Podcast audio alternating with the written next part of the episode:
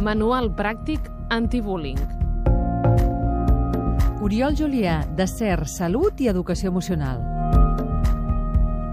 Això són coses de nens. Aquesta frase fa molt mal al tema d'assetjament. Amb aquesta frase justifiquem moltes accions, moltes actituds, fins i tot no actuem davant d'actituds que, que després sí que poden agreujar-se quan van creixent. Quina és l'edat del bullying? Diem que ha d'haver-hi una estratègia.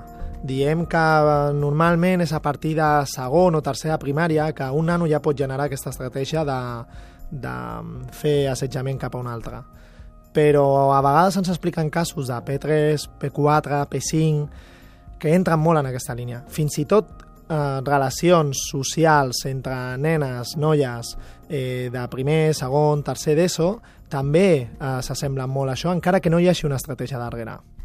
Hem de veure com se sent el nano rebutjat, encara que potser no és bullying, encara que potser no, no hi ha una intenció darrere de fer mal, però hem de tractar-ho hem de treballar amb tot el grup, hem de treballar amb els nanos que estan fent aquest rebuig perquè entenguin el valor de la persona.